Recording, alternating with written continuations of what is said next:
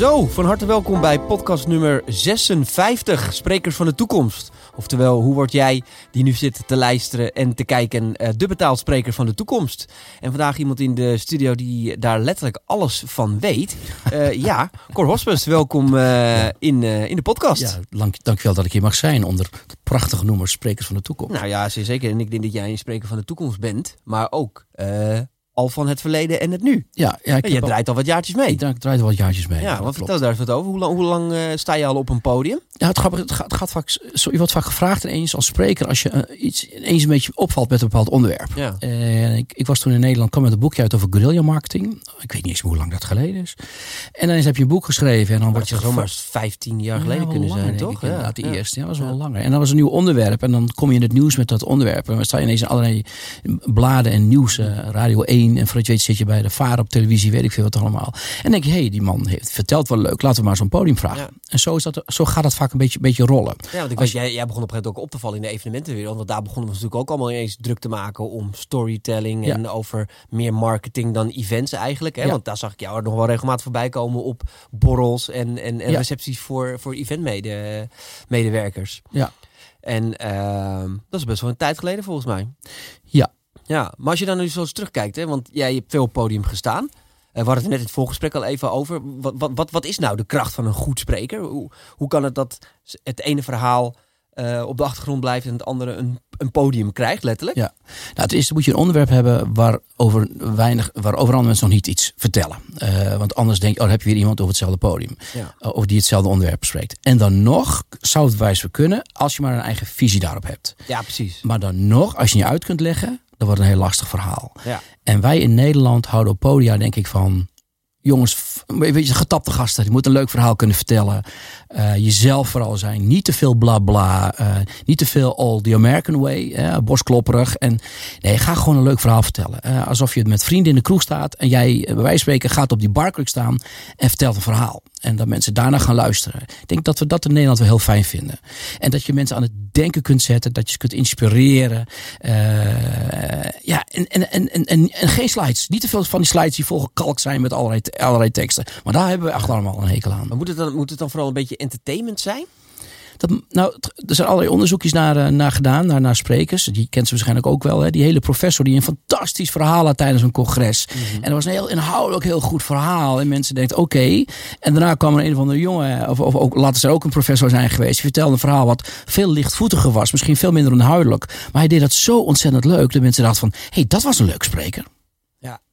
Ja, dus het, is- het moet eigenlijk een combinatie zijn van inhoud. Want je moet wel ergens mensen raken en inspireren. Want als het, als, als het geen hout snijdt, dan Nee. haken mensen denk ik ook snel af. Maar het moet allemaal niet te serieus. Het mag met een vette knipoog. Ja. En, en, je mag, en je moet jezelf als spreker ook niet te veel serieus nemen. Want als je dat hoe doe jij dat dan? Hoe neem jij jezelf dan niet serieus op het podium? Nou, ik, ik, ik, ik maak heel vaak grappen over mezelf. Oké. Eh, een van de eerste dingen, jongens, geloof nooit experts. En dan, dan, en dan laat ik vaak een plaatje erachter zien. Waar Van jezelf? allerlei dingen. Ja, van mezelf. eh, dus van, dat, van, dat, van dat soort dingen. En je moet jezelf niet te serieus nemen. Maar geef mensen wel iets mee. Eh, blijf gewoon een mens. Ja.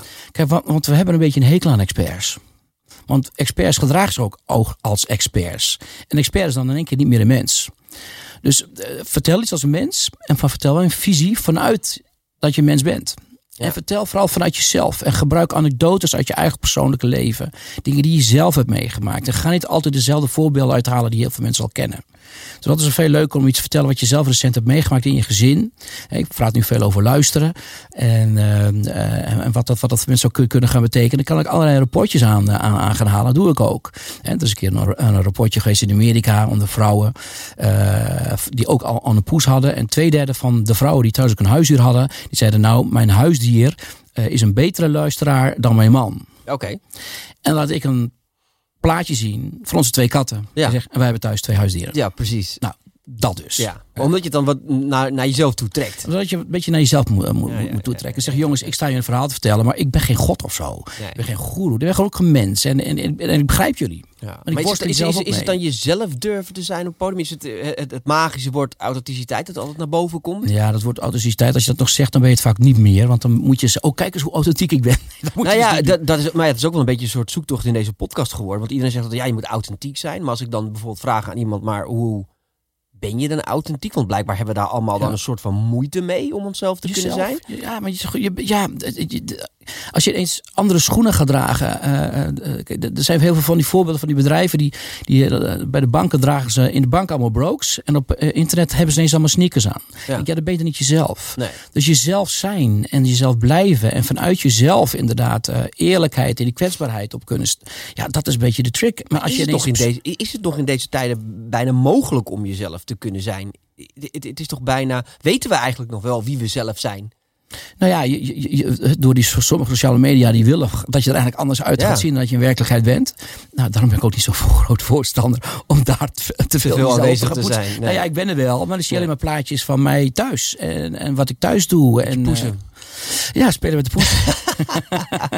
de poes inderdaad, ja, ja, Ja. dat soort dingen. En eh, af en toe eh, wat, wat ik doe, eh, wat voor gekke, hoe ik belachelijk word gemaakt door mijn kinderen af en toe. En eh, ik denk toch wel, ja, jezelf zijn, dat is uiteindelijk wat mensen willen. Mensen willen een mens zien. We leven in een tijd van, eh, van robots, AI. En als we ons ook nog als mensen ook weer als robots gaan gedragen, dan wordt het wel heel erg lastig. Dus wees alsjeblieft jezelf. Maar ga niet net doen alsof je zelf bent. Dat heb je ook nog wel eens. Precies. Dat mensen ineens gaan denken, kijk mij eens eventjes mezelf zijn. ja, ja. Nee, daar prikken mensen echt wat doorheen. Dat, eh, dat, dat, dat, dat gaat niet lukken. Ik denk dat wij mensen eh, en ook toehoorders feilloos doorhebben. Het verschil tussen inderdaad iemand die eh, een persoonlijkheid staat te faken. Hè, want dan heb je ook, ook binnen de sprekerswereld heb je Ja. helaas een hele hoop van dat soort voorbeelden van mensen die voor zichzelf bedacht hebben. Ik moet me zo gedragen. Ja. Ik heb alle video's van Tony Robbins gezien. Ik heb alle video's van Jos Burgs gezien. En dat ga ik imiteren. En ik denk dat wij mensen feilloos, zonder dat we het misschien kunnen benoemen, feilloos doorhebben of iemand zich, echt zichzelf is.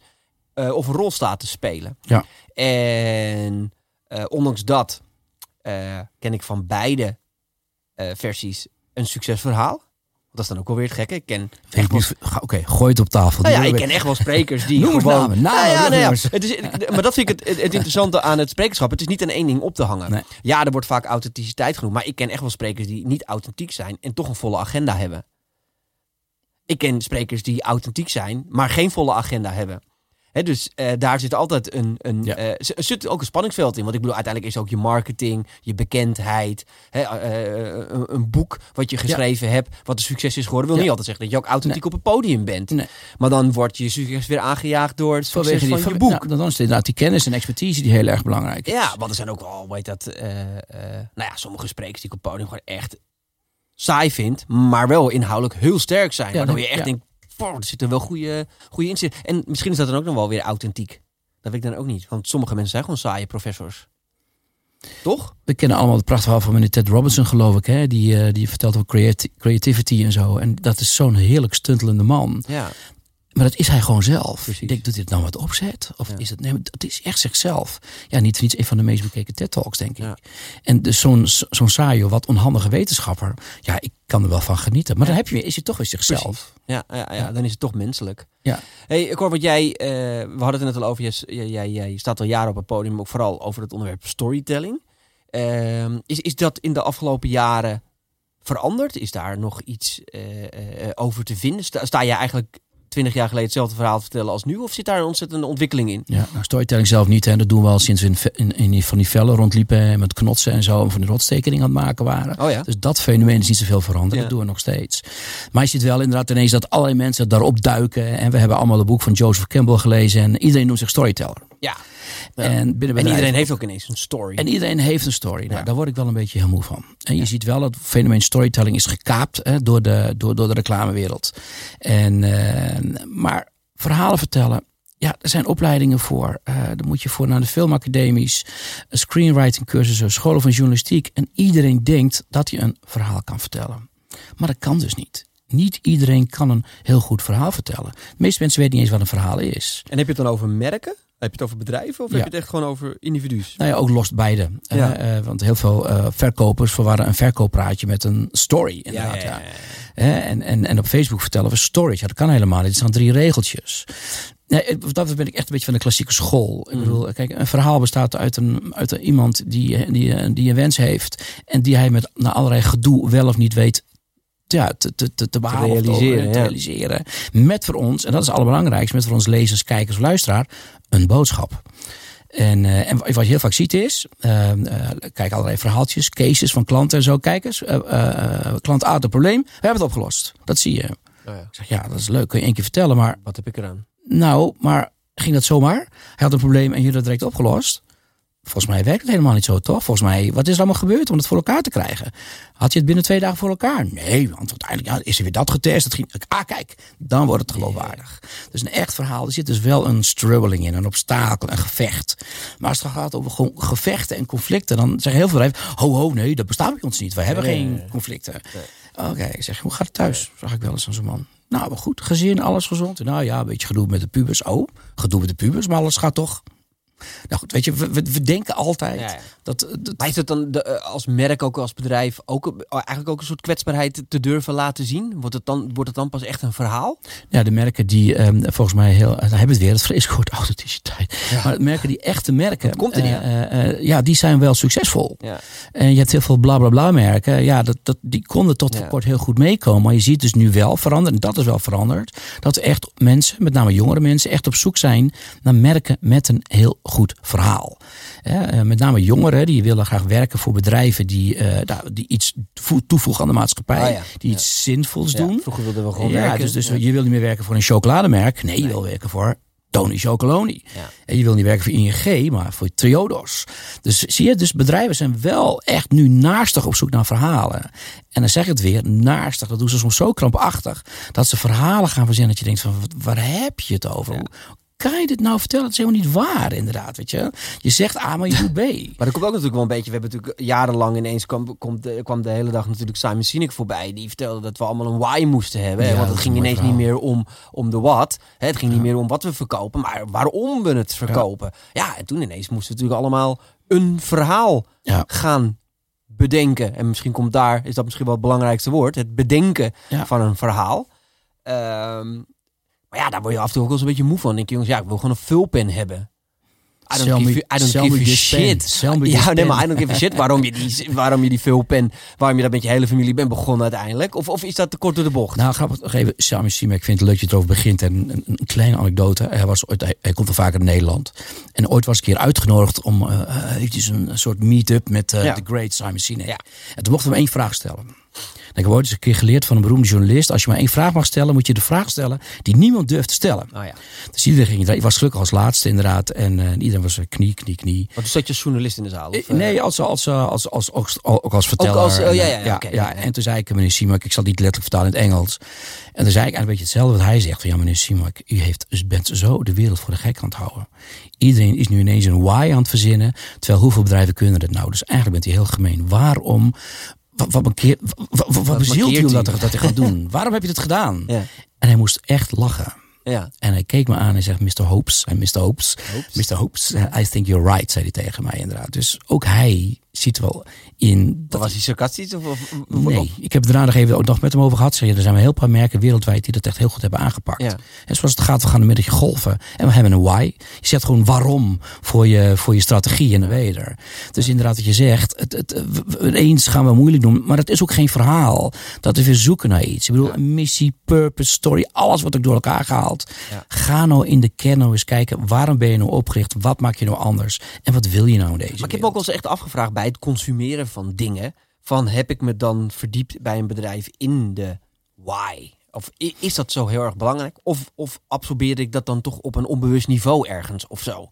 Stel dat ik, dat ik, dat ik uh, een, een, uh, uh, wel meubels ga kopen voor mijn kantoor. Ik zeg maar even wat. Misschien is dat een verkeerd voorbeeld. Niet zo'n heel sexy product. Maar ben ik dan onbewust toch bezig met de why of de story achter een bedrijf? Of ben ik gewoon op zoek naar een tafel? Het, het hangt helemaal af wie je bent en naar je budget en zo. Kijk, maar als, als ik, hè, ik ga een beetje naar mezelf. Als ik, ik denk, nu, denk ik toch van, waar is het gemaakt? Waar komt het vandaan? Hoe is het geproduceerd? Is het duurzaam hout? Kijk, zo ben ik al hè, geïndoctrineerd en geconditioneerd. Ja, ja, allerlei, allerlei dingen. Dus ik hou daar rekening mee. Maar als je dan kan kiezen tussen het ene merk en het andere merk dat ik niet ken. Nee, dan ga ik niet eerst... Wacht eventjes, eventjes mobiel Nee, dat doe ik ook niet. Nee. Maar voor heel veel merken weten we het wel. Ja. We weten waar Nike voor staat. We weten waar Ikea voor staat. We weten waar eh Coolblue voor staat. We weten waar Amstel voor staat. Voor heel veel merken weten we precies waarvoor ze staan. En ons bullshit medetje gaat direct aan. Dan denk ik, maar wat zeggen ze nou? Dit klopt er niet helemaal overeen. En dan kun je nou als, als, als, als bank zeggen dat je, eh, dat je staat voor eh, eerlijkheid. Terwijl een, in een krant later staat inderdaad dat je alle bestuursleden inderdaad alles onder de pet houden. Ja. Dus ga dus geen bullshit verhalen vertellen.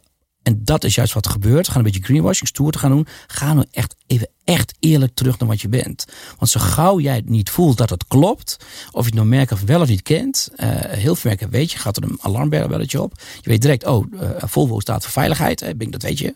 En, en, en, Se- en Seat bestaat niet meer, staat voor emo- eh, auto-emotion, zo maar te zeggen. Ja, mooi. Als je ineens denkt van, hé, dat klopt helemaal die denk je, wacht eens even, die wordt voor de gek gehouden. Ja. En dat voelen we wel, denk ik, over het algemeen. Tenminste, heel veel mensen voelen dat. Volgens mij is het het eh, één op één te plakken ook op het spreker zijn. Nou, eigenlijk is het sprekersvak een- soort van storytelling natuurlijk. Misschien wel volledig. Ja, dan sta je niet op het podium, je moet een verhaal vertellen. Ja, en, en zowel eh, zoals wij als publiek door sprekers heen prikken die niet echt en niet authentiek verhaal staan te vertellen, prikken wij misschien als consument ook wel door Ja. merken heen Ja. die niet authentiek en niet eerlijk hun verhaal vertellen en puur alleen maar een commerciële boodschap over de Ja. aan het gooien zijn. Ja, maar goed, zo kijken we natuurlijk ook naar de mensen. Als jij voor het eerst iemand ziet, dan ga je hem direct scannen met een soort eh afvinkboekje. Ja. Hey, wat is dat voor iemand? Ja. Dat doen we allemaal. En zo kijken we ook naar merken. Klopt het wel? Dus mensen die je tegenkomt, eh, kan ik hem vertrouwen of niet? Je loopt door een steegje, iemand komt naar je toe, je denkt, eh, wat ga ik doen? Je gaat heel Ga ik eromheen. Ga ik of, eh? eromheen of ga ik nu weer terug een andere kant op lopen? Zo zitten we ook naar merken, nieuwe dingen die we krijgen, naar een nieuw product die je ziet. Onbewust ga je toch eens even afvinken. Wat is dit? Wat, wat, wat, is, wat, is, er aan, wat is er aan de hand? Het gaat heel onbewust. En we weten ook allemaal, we kopen echt alleen maar onbewust. Dus emotioneel. Dus of we dan rationeel naar die why gaan kijken. Misschien blijft het toch wel een beetje de vraag. Ja. Ja. Maar het is wel een heel goed basisprincipe om te gebruiken als je verhalen wil vertellen. En, en je als merk ergens voor wil gaan staan en positioneren. Of mensen dat op gaan pakken. Nou, wat, jij, eh, wat wij nu constateren. Weten dat soms allemaal? Ik Denk het niet. Ja. Ja, je had het net eh, tussendoor over luisteren. Dat, Ja. dat, dat we zo slecht luisteren. Wa- Wat, wat bedoelde je daar precies mee? Nou ja, goed. Kijk, dat is wel iets wat natuurlijk steeds meer belangrijk wordt. hè. Als je zegt, dat is nou een trend aangaande storytelling. Ja, als er iets is veranderd. Kijk, om te voorkomen dat we allemaal onzinverhalen gaan vertellen. Maar luk, lukraak wat verhaaltjes op gaan dissen. Is het ook heel belangrijk dat je die verhalen op gaat halen. Ja. Nou goed. En waar beginnen verhalen mee? Met story listening. Je moet eerst verhalen op gaan halen. Dat betekent dat je heel moet gaan luisteren. Niet alleen naar jezelf als merk. Hè, klopt het wel wat, wat te zeggen? Naar je eigen medewerkers. Hey, wat, wat leeft er intern? Maar ook dus naar je klanten. Wat, wat, wat, wat, wat speelt daar? En het fenomeen luisteren. Dat, nou ja, als er echt een beweging is in, in wereldwijd. Ook in de businesswereld is het wel luisteren. Want iedereen heeft het ineens over luisteren. Moeten beter luisteren. En dat is niet zo vreemd. Ja, maar want, want, want, want heb je het idee dat er in bedrijven slecht geluisterd wordt? Ja, Vertel. Eh, nou, er zijn allerlei. Ik, ik ben gek op onderzoek. Iets laatste dat onderwerp geweest. Maar één daarvan. En ik heb ooit geleerd als journalist dat je nooit te veel cijfers moet vertellen. Maar eentje dan. Ehm, Ik ben wel benieuwd. Ja. ja, 34% van de managers die vindt dat hij een, een, een goed luistert naar zijn medewerkers. Daarvan zegt personeel, je luistert helemaal niet. En Ja. dat, dat, dat is er al eentje. Wij denken soms dat we heel goed luisteren, maar we luisteren helemaal. niet. We weten niet hoe dat moet. Nee. En nog eens, en dat is niet zo vreemd, omdat, ehm, kijk, 60% van onze communicatie bestaat uit luisteren. Maar dat wordt dus niet geleerd. Is jou ooit geleerd tijdens een opleiding hoe je moet luisteren? Nee, en ik denk dat, dat het ook steeds meer vertroebeld raakt door, omdat we onze spanningsboog ook gewoon veel korter wordt. Ook door het consumeren van social media natuurlijk. Eh, ik denk dat het, het, het, het echt het menselijke contact van elkaar in de ogen aankijken en een gesprek voeren. Ja, dat wordt veel vlugger. Hoe vaak heb je nou nog zo een gesprek met iemand? Weet je, dat is bijna ook het leuke aan deze podcastserie. is Omdat je ineens een uur lang met iemand zit en een intensief gesprek voert. Ja. Het is tegenwoordig toch allemaal veel vluchtiger. Ja. Even bellen, even snel, even een appje, even een dingetje. Ja. Ja, ja en, en daar zit de kunst van het luisteren niet meer echt in natuurlijk. Nee, en, en het wordt natuurlijk nu, nu, nu nog veel erger. Want Wat wel belangrijk is, personal branding. Je moet opkomen, je moet op podia saan. Maar luister, dat wordt dus niet geleerd. En je ziet juist met name met jongeren weer. En dan zegt mijn dochters, papa, eh, eh, eh, eh, gaat het over vriendjes of dat soort dingen. Zo zeg ik. Hoe gaat het nou met eh, deze of gene? Oh ja, ik ben met hem aan het praten. Zou het leuk, wanneer spreek je dan? Chatten. Oh ja. Dat heet al praten. Ja, ja, ja. Die kinderen die bellen niet meer. Die hebben belangst. Omdat ze dan moeten luisteren en direct moeten aandacht moeten geven. Ja, en direct moeten schakelen ook, hè, merk ik ook. Ja, maar goed luisteren iemand. Dat zegt hij nou. Je, en je, met sms kan je even goed nadenken. Oh, tik ik het niet, tik ik niet. Dus het, daar wordt kinderen al niet geleerd. Het wordt steeds, het wordt steeds minder. Maar is het erg? Nou, je, het leidt tot polarisatie in de hele wereld. Want als je niet meer beleid, bereid bent om naar het ander te luisteren, dan blijf je meer de manier van communicatie. Ma- ma- ga- eh, Maakt dat uiteindelijk dan straks een groot verschil of we wel of niet naar mensen luisteren? Bijvoorbeeld, hè, de, ja, uiteindelijk gaat natuurlijk. Ik merk al aan mezelf, heel eerlijk, ik bel ook niet meer zo heel veel. Bijna alle zakelijke dingen die ik doe, gaan toch via WhatsApp of via die e-mail. Ehm, maar de vraag is, is dat dan erg? Luisteren we daardoor minder goed naar iemand? Ja. Ja, er wordt heel slecht geluisterd. Eh, Met name leiders. Ja, die zijn groot geworden door niet te gaan luisteren. Want die hebben gezegd, nee, ik doe het zo. En wat anderen zeggen, bekijk het maar. Ja. En die worden niet tegengesproken. Hè. De meeste eh, leiders laten ze ook omringen door ja-knikkers. Ja. Moet nou maar luisteren. Maar in een tijd dat hiërarchische structuren niet meer gaan werken, wordt het, wel heel, wordt het luisteren wel heel erg belangrijk. Ja. Dat, eh, we weten allemaal, hè, eh, autonomie is belangrijk, eh, zingeving is belangrijk, meesterschap is belangrijk. Dat is wel belangrijk dat je als luister steeds meer gaat luisteren. Wat hebben mijn medewerkers eigenlijk nodig? En dat betekent niet letterlijk luisteren, maar ook goed kijken en kunnen spreken. En wat heb je nu echt nodig? Die empathisch luisteren. Goed weet wat mensen eigenlijk bezielt, wat ze bezighoudt. Dat is zo ontzettend belangrijk aan Ja, dus niet alleen je mond houden en observeren wat ze zeggen, maar ook daadwerkelijk begrijpen Dat is wat het, ze ja. zeggen, wat, Ja. wat misschien wel eronder Ja. ligt. Ja, want dat is wat je zegt nu. Gewoon, dat is horen. Ja. Kijk, maar je moet, je, nee, luisteren is luisteren. Ja. Maar daarbij moet je dus horen, inderdaad. Precies. Horen. En heel veel mensen horen, Horen het niet. alleen, ja. daar, daar, daar, daar gaat het dus om. Je moet echt, oké, dat is dus met je, met, je, met je aan de hand. En dat moet ik dus gebeuren. Anders lopen mensen weg. En je ziet dus ook, empathie wordt belangrijk. Liefde wordt steeds belangrijker binnen, binnen, binnen, binnen, binnen bedrijven. Nou, volgens mij is de basis van liefde luisteren. Eh, dat zou ik wel antwoorden, denk ik. Ja. Ja? Waarom denk je toch, eh, waarom de luisteren is? Nou ja, omdat je iemand niet kan leren kennen zonder te luisteren. Ja. Eh, echt luisteren natuurlijk, Ja. hè? want daar zit ik misschien ook wel het grootste probleem in de Ja. liefde. Nou heb je, nou heb ik toevallig laatst een keer een boek gelezen over heel veel verschillende talen in de liefde ook nog. Is dat, zal het ook van toepassing? Ken je dat boek of niet? Het is een heel interessant boek over dat wij eigenlijk allemaal een ander soort taal van de liefde spreken. Hè? Wanneer ik, ik vind misschien jou een cadeautje geven eh, heel veel zeggen, maar jij vindt misschien een cadeautje krijgen wel helemaal niks zeggen. En dat is de taal van de liefde. Maar zal dat ook op de werkvloer van toepassing kunnen zijn, denk je? Dat daar de manieren van communiceren en de manieren van liefde tonen, waardering tonen, misschien wel voor iedereen heel anders is. Nou, ik denk sowieso dat cultureel bepaald is. Eh, kijk, in hele landen bekijk je heel anders het fenomeen eh, liefde dan, dan in andere landen. Maar het, het, het, feit überhaupt al mensen eh, een, een cadeautje in vorm van waarderen.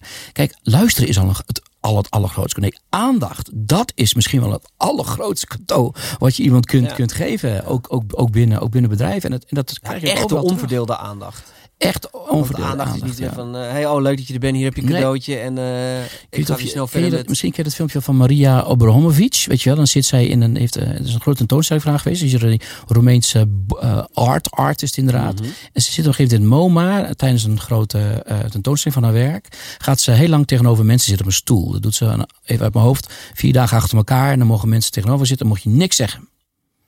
En die mensen kijken alleen maar naar elkaar. En al die mensen beginnen allemaal te huilen omdat ze elkaar recht in de ogen kijken. En voor het eerst voelen mensen zich gezien. En dat is het. Voel je je gehoord? Voel je je gezien? Aandacht. Luisteren. Ja. Hoe, hoe kan je je als manager daar meer in trainen?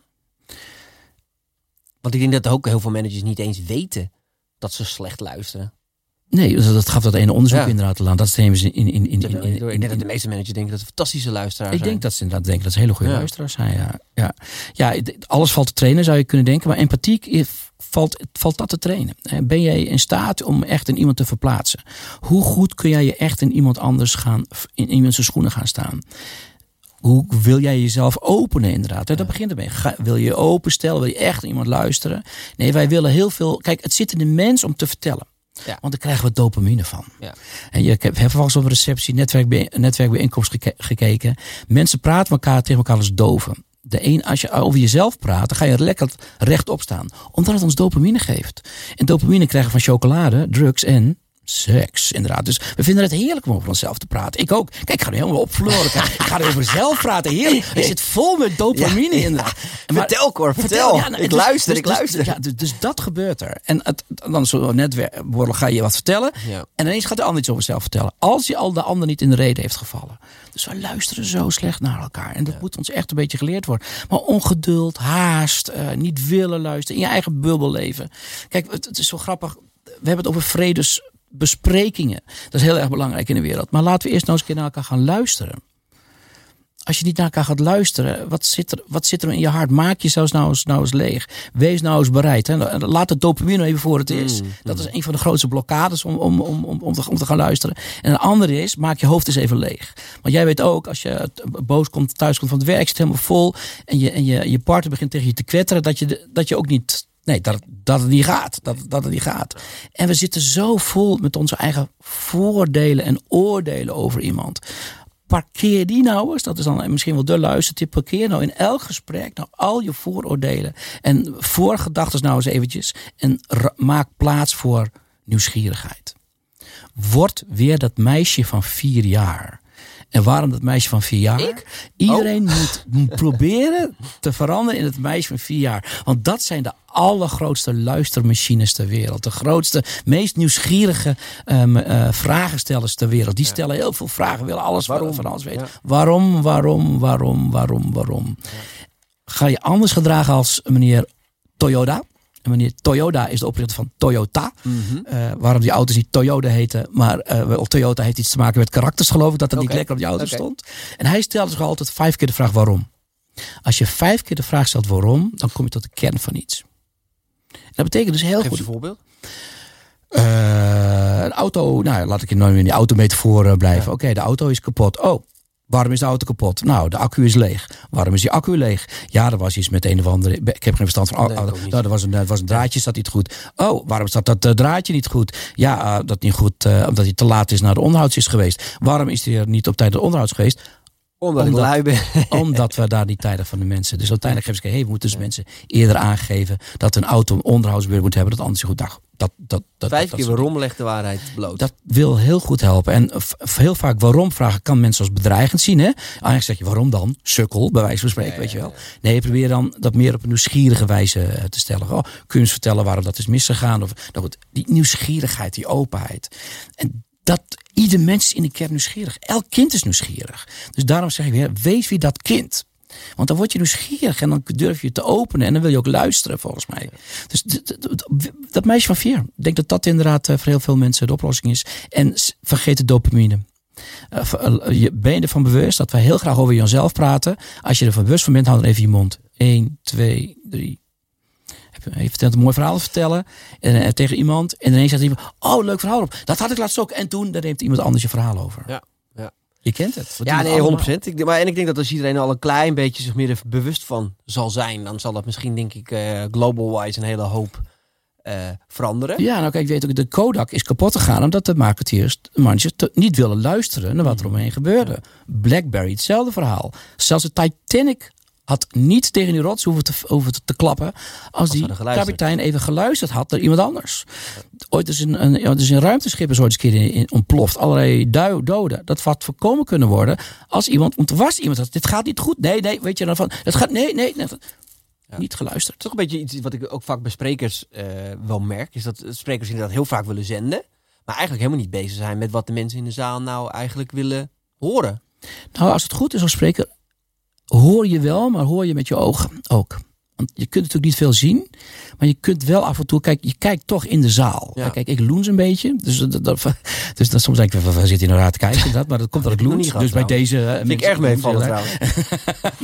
Maar ehm, eh, dus dat doe je, je. Je merkt wel aan de kuchjes.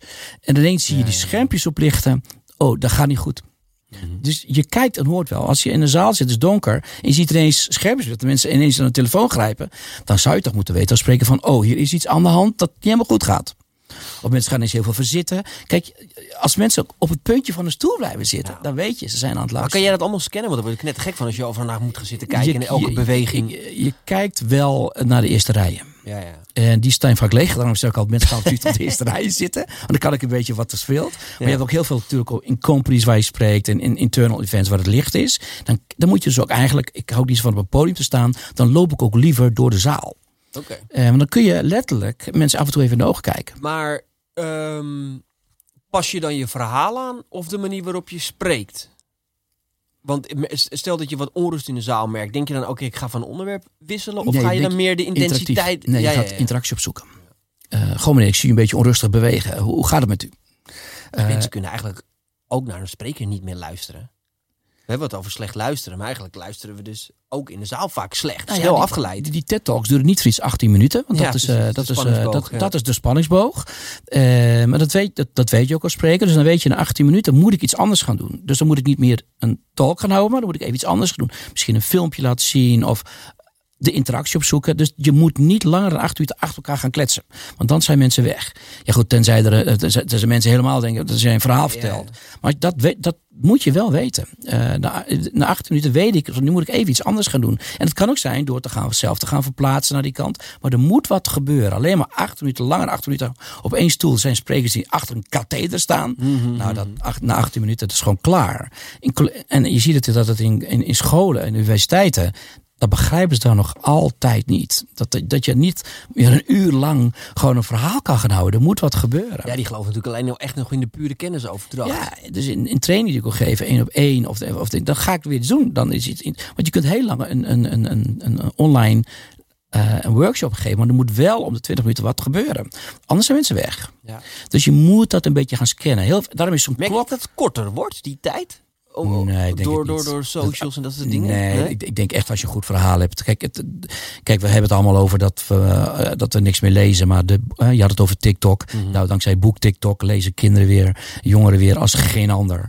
Dus ik vind het echt een beetje aangepraat. Het zijn vooral social media bureaus die er belang bij hadden. Te zeggen dat iedereen zin het een snackable content. Dat is Ja, ja. dat verhaal van die goudvis. Dat was onzin. Nog een keer, dat was onzin. Dat was bedacht als marketingstunt door Microsoft. Het is niet waar. Iedereen die dat blijft zeggen, het is een onzinverhaal. Dus Nou ja, en zo bedoel- krijg je dus weer eigentijdse mythes die ineens gaan, eh, gaan Maar ik bedoel, dat is zelfs met de boeken. Iedereen was natuurlijk bang dat niemand boeken zou lezen. doen ze nog steeds.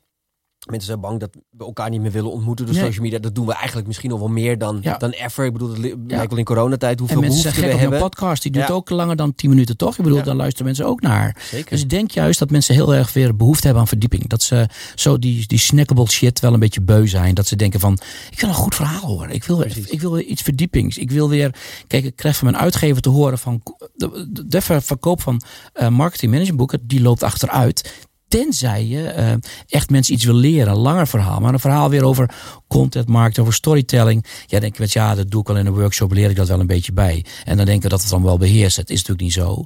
Maar als je echt een wat meer verdiepend verhaal hebt over leiderschap en over luisteren, hoe dat nou werkt, of nieuwsgierigheid of aandacht. Kijk, dat zijn onderwerpen die mensen heel erg aanspreken.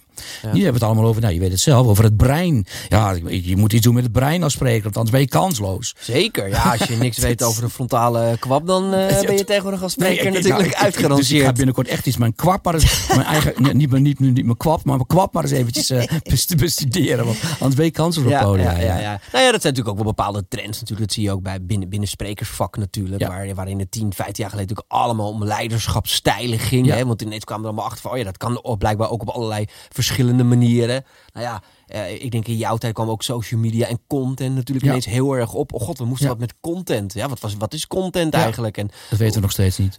ik denk dat nog steeds niemand dat weet. Nee. Eh, maar hoe heet dat? En nu merk je inderdaad wel erg. Oh god, oh, we hebben hier, we hebben hier, hey, we, we hebben hier iets zitten, joh. Er, er zitten Ja. hersenen, daar, daar kan je iets mee. En dat, Ja. dat blijkbaar ook te sturen. En dat kan met voeding en met beweging. En nou ja, Ja. goed, ik bedoel, dat zijn bepaalde trends. Ja, dit Ehm, past een beetje in die trend dat we de mens ja. hebben ontdekt. Hè? We hebben de mens ontdekt. Gek is dat eigenlijk. Gek hè? Eindelijk hebben we de mens ontdekt. Het is ongelooflijk. Ja. Oh, data? Nee, we hebben een mens. Mensen hebben emoties. Oh ja? Dus we praten niet meer inderdaad over, over de homo economicus. Hè? We dachten allemaal, de mens koopt dingen puur op basis van ratio.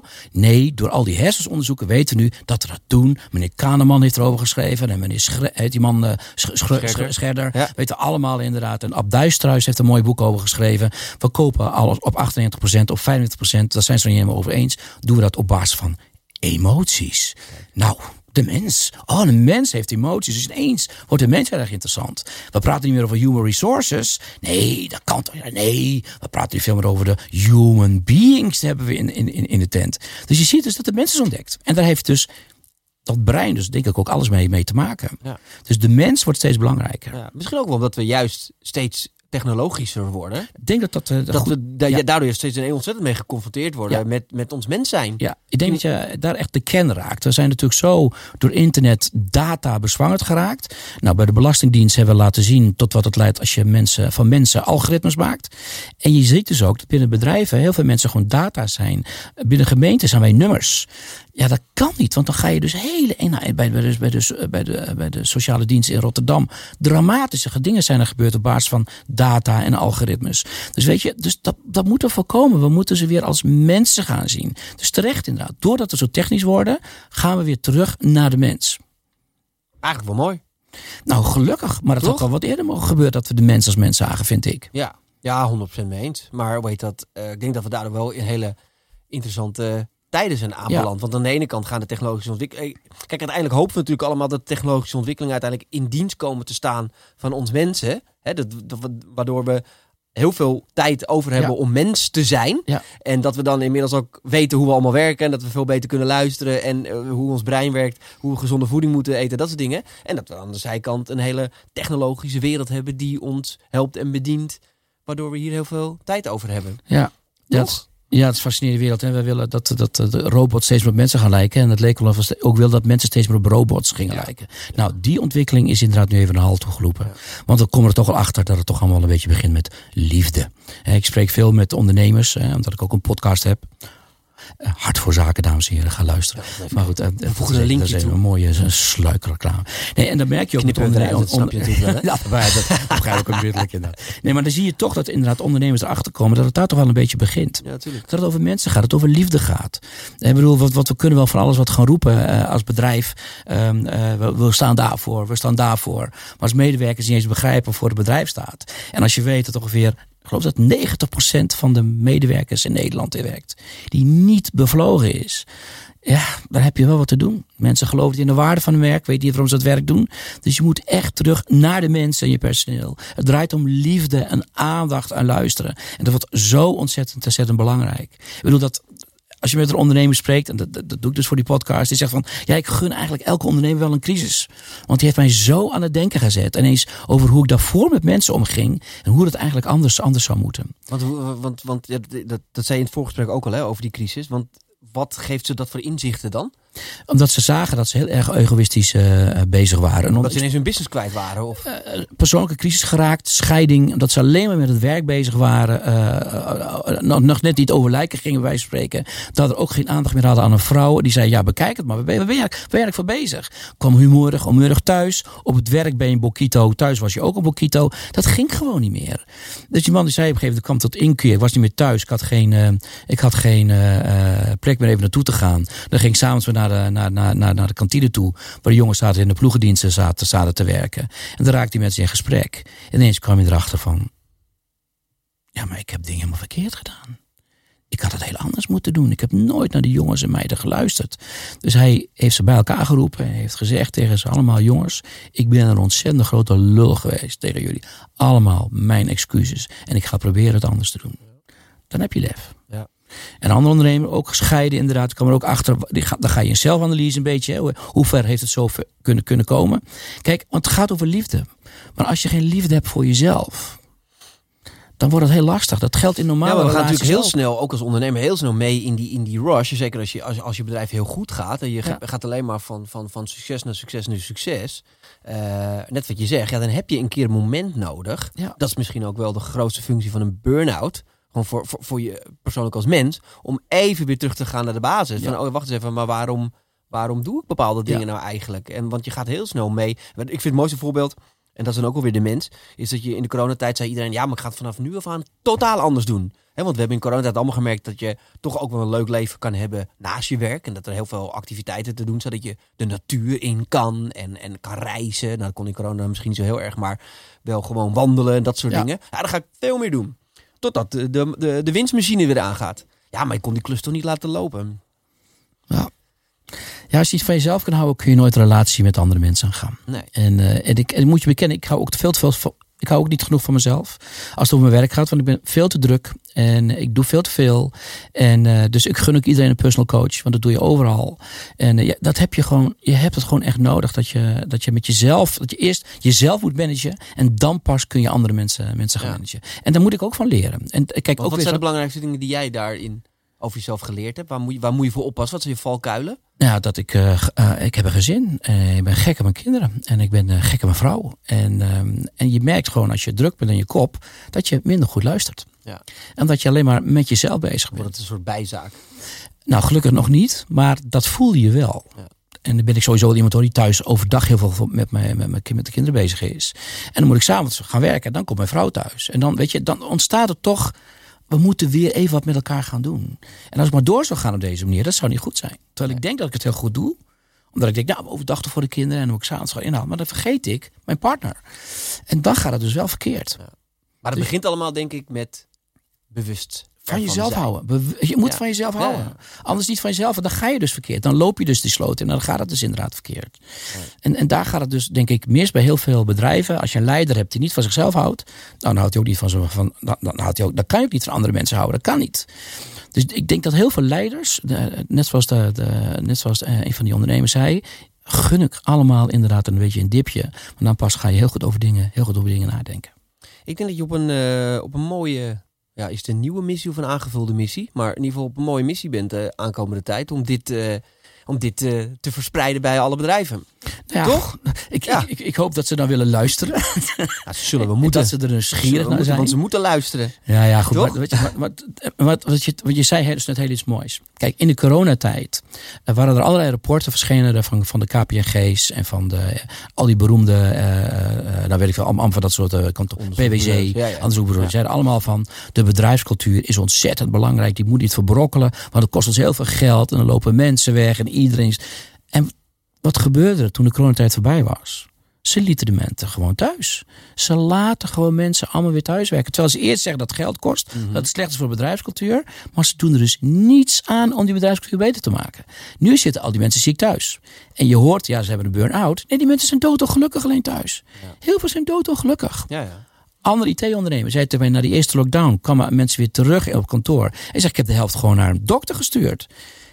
Liefde, als je toch van je mensen houdt, ik bedoel, mag er niks meer ontstaan op kantoor? Waar, zie je personeel louter als productiemensen, die alleen maar op een loonlijst staan. Gaan we lekker thuis productie draaien, want we zien dat het goed gaat. En mag er daarna niks meer gebeuren? Ja, Of mogen ze ook leven? Mogen, ze, mogen je niet meer bij elkaar op kantoor komen? Je geen collega's meer dat moet? Kunnen niet meer met z'n allen iets gaan doen? Eh, Mag je niet meer de bedrijfscultuur vullen? Waarom is dat ineens?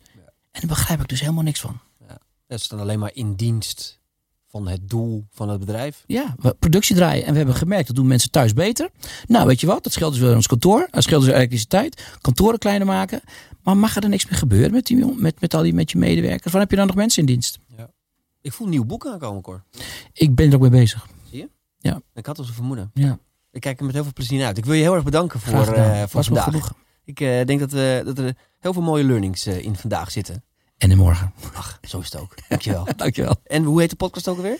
Hart voor zaken. Hart voor zaken. Nou ja, waarvan akte. Op Spotify. Dankjewel. Uh, jullie allemaal bedankt voor het kijken en luisteren naar eh, Sprekers van de Toekomst. Ook een leuke podcast. Eh, inmiddels 56 eh, afleveringen. Ehm, hou vooral onze website in de gaten. Alle social media kanalen. voor nog veel meer leuke en inspirerende podcasten. Bedankt voor het kijken en luisteren.